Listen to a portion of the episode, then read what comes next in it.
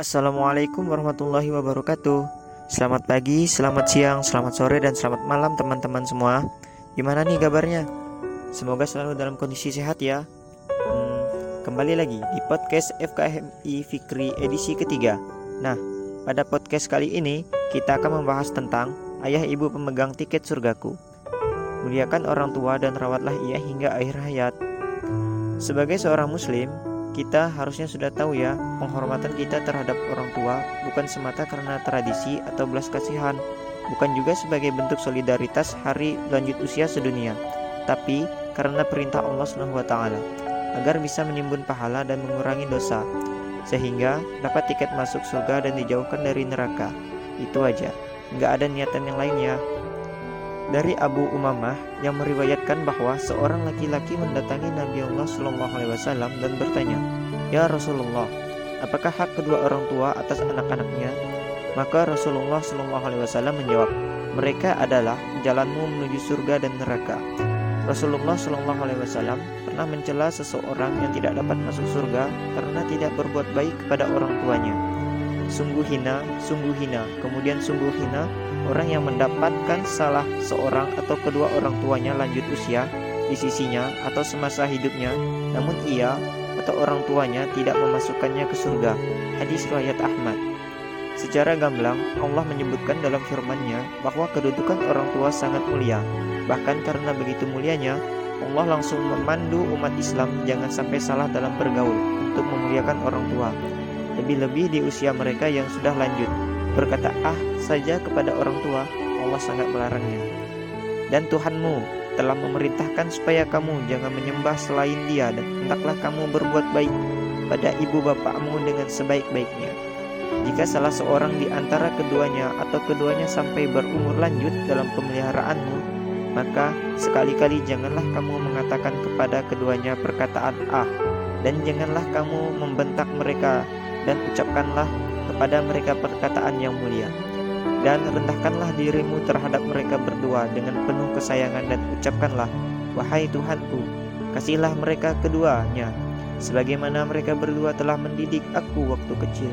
Quran Surah Al-Isra ayat 23-24 Mujahid salah seorang ahli tafsir Al-Quran yang terkemuka dari generasi tabi'in pernah menyatakan jika kedua orang tua telah berusia lanjut sehingga mereka tidak bisa buang air kecil maupun buang air besar sendiri, maka janganlah merasa jijik atau mengatakan ucapan ah kepada mereka berdua.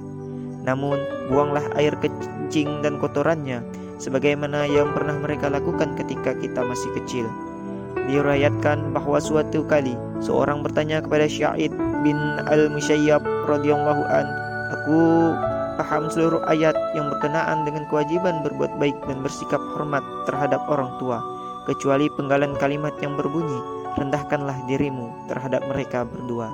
Syahid menjawab, itu berarti bahwa engkau harus memperlakukan mereka sebagai mana seorang pelayan memperlakukan majikannya.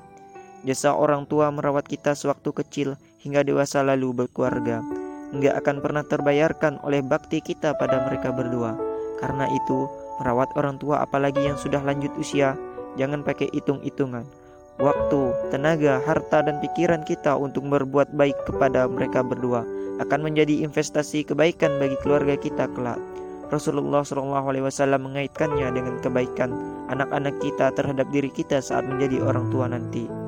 Abdullah bin Umar meriwayatkan bahwa Rasulullah SAW bersabda, Berbaktilah kepada orang tuamu, maka anak-anakmu pun akan berbakti kepadamu. Dan maafkanlah mereka, maka istri-istrimu akan memaafkanmu.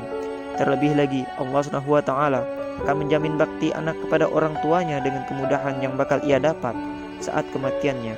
Jabir meriwayatkan bahwa Rasulullah SAW bersabda, Barang siapa mendapati tiga perkara dalam dirinya, maka niscaya Allah akan memudahkan saat kematiannya dan memasukkannya ke surga yaitu bersikap lemah lembut kepada kaum duafa, berbakti kepada orang tua dan berbuat baik kepada hamba syahaya.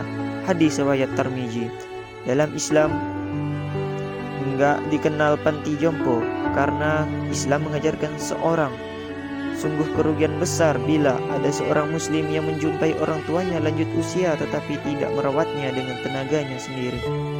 Lebih mementingkan dirinya sendiri, mengkhawatirkan masa depannya sendiri dan malah justru menitipkan ke pati jompo. Nauzubillah min. Teman-teman, tak ada alasan bagi kita untuk bersikap durhaka pada orang tua kita. Sebaliknya, kita wajib menempatkan mereka dalam kedudukan yang terhormat sehingga mereka merasa nyaman dan tentram berada di tengah anak cucunya. Jika orang tua meminta bantuan tanpa nanti segera mungkin dipenuhi, jika ada perlakuan yang menurut kita enggak menyenangkan jangan diumbar di sosial media. Simpan dalam hati dan doakan yang terbaik untuk kedua orang tua kita. Bicaralah dengan lemah lembut pada keduanya. Jika ada perbedaan pendapat, enggak usah gegas. Bisa bikin sakit hatinya nanti. Tetap santun saat menjelaskan duduk perkaranya. Enggak pakai bete saat menemaninya belanja. Tetap bahagia ketika diminta belanja keperluan sehari-hari. Tetap tersenyum saat dapat giliran beres-beres rumah berikan layanan terbaik bak pelayan bintang 5 untuk kedua orang tua kita. Dan kalau kamu sampai pada tulisan ini, coba temui mereka, berikan pelukan hangat dan ungkapkan rasa sayangmu. Kalau berjauhan, hubungi mereka, sampaikan rasa sayang dan rindumu. Bahagiakan mereka, bahagia kita, ridho mereka, tiket kita ke surga. Tunggu apa lagi? Mari kita muliakan kedua orang tua kita. Niscaya surga akan terhias menanti dan menyambut kehadiran kita semua. Gak terasa ya, udah penghujung podcast. Mohon maaf apabila ada salah kata, kurang dan lebihnya saya